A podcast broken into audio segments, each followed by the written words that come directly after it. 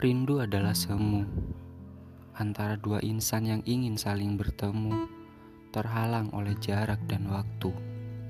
Rindu berubah halu, rindu tidak tahu malu. Pertemuan adalah rumus yang dapat menyelesaikan.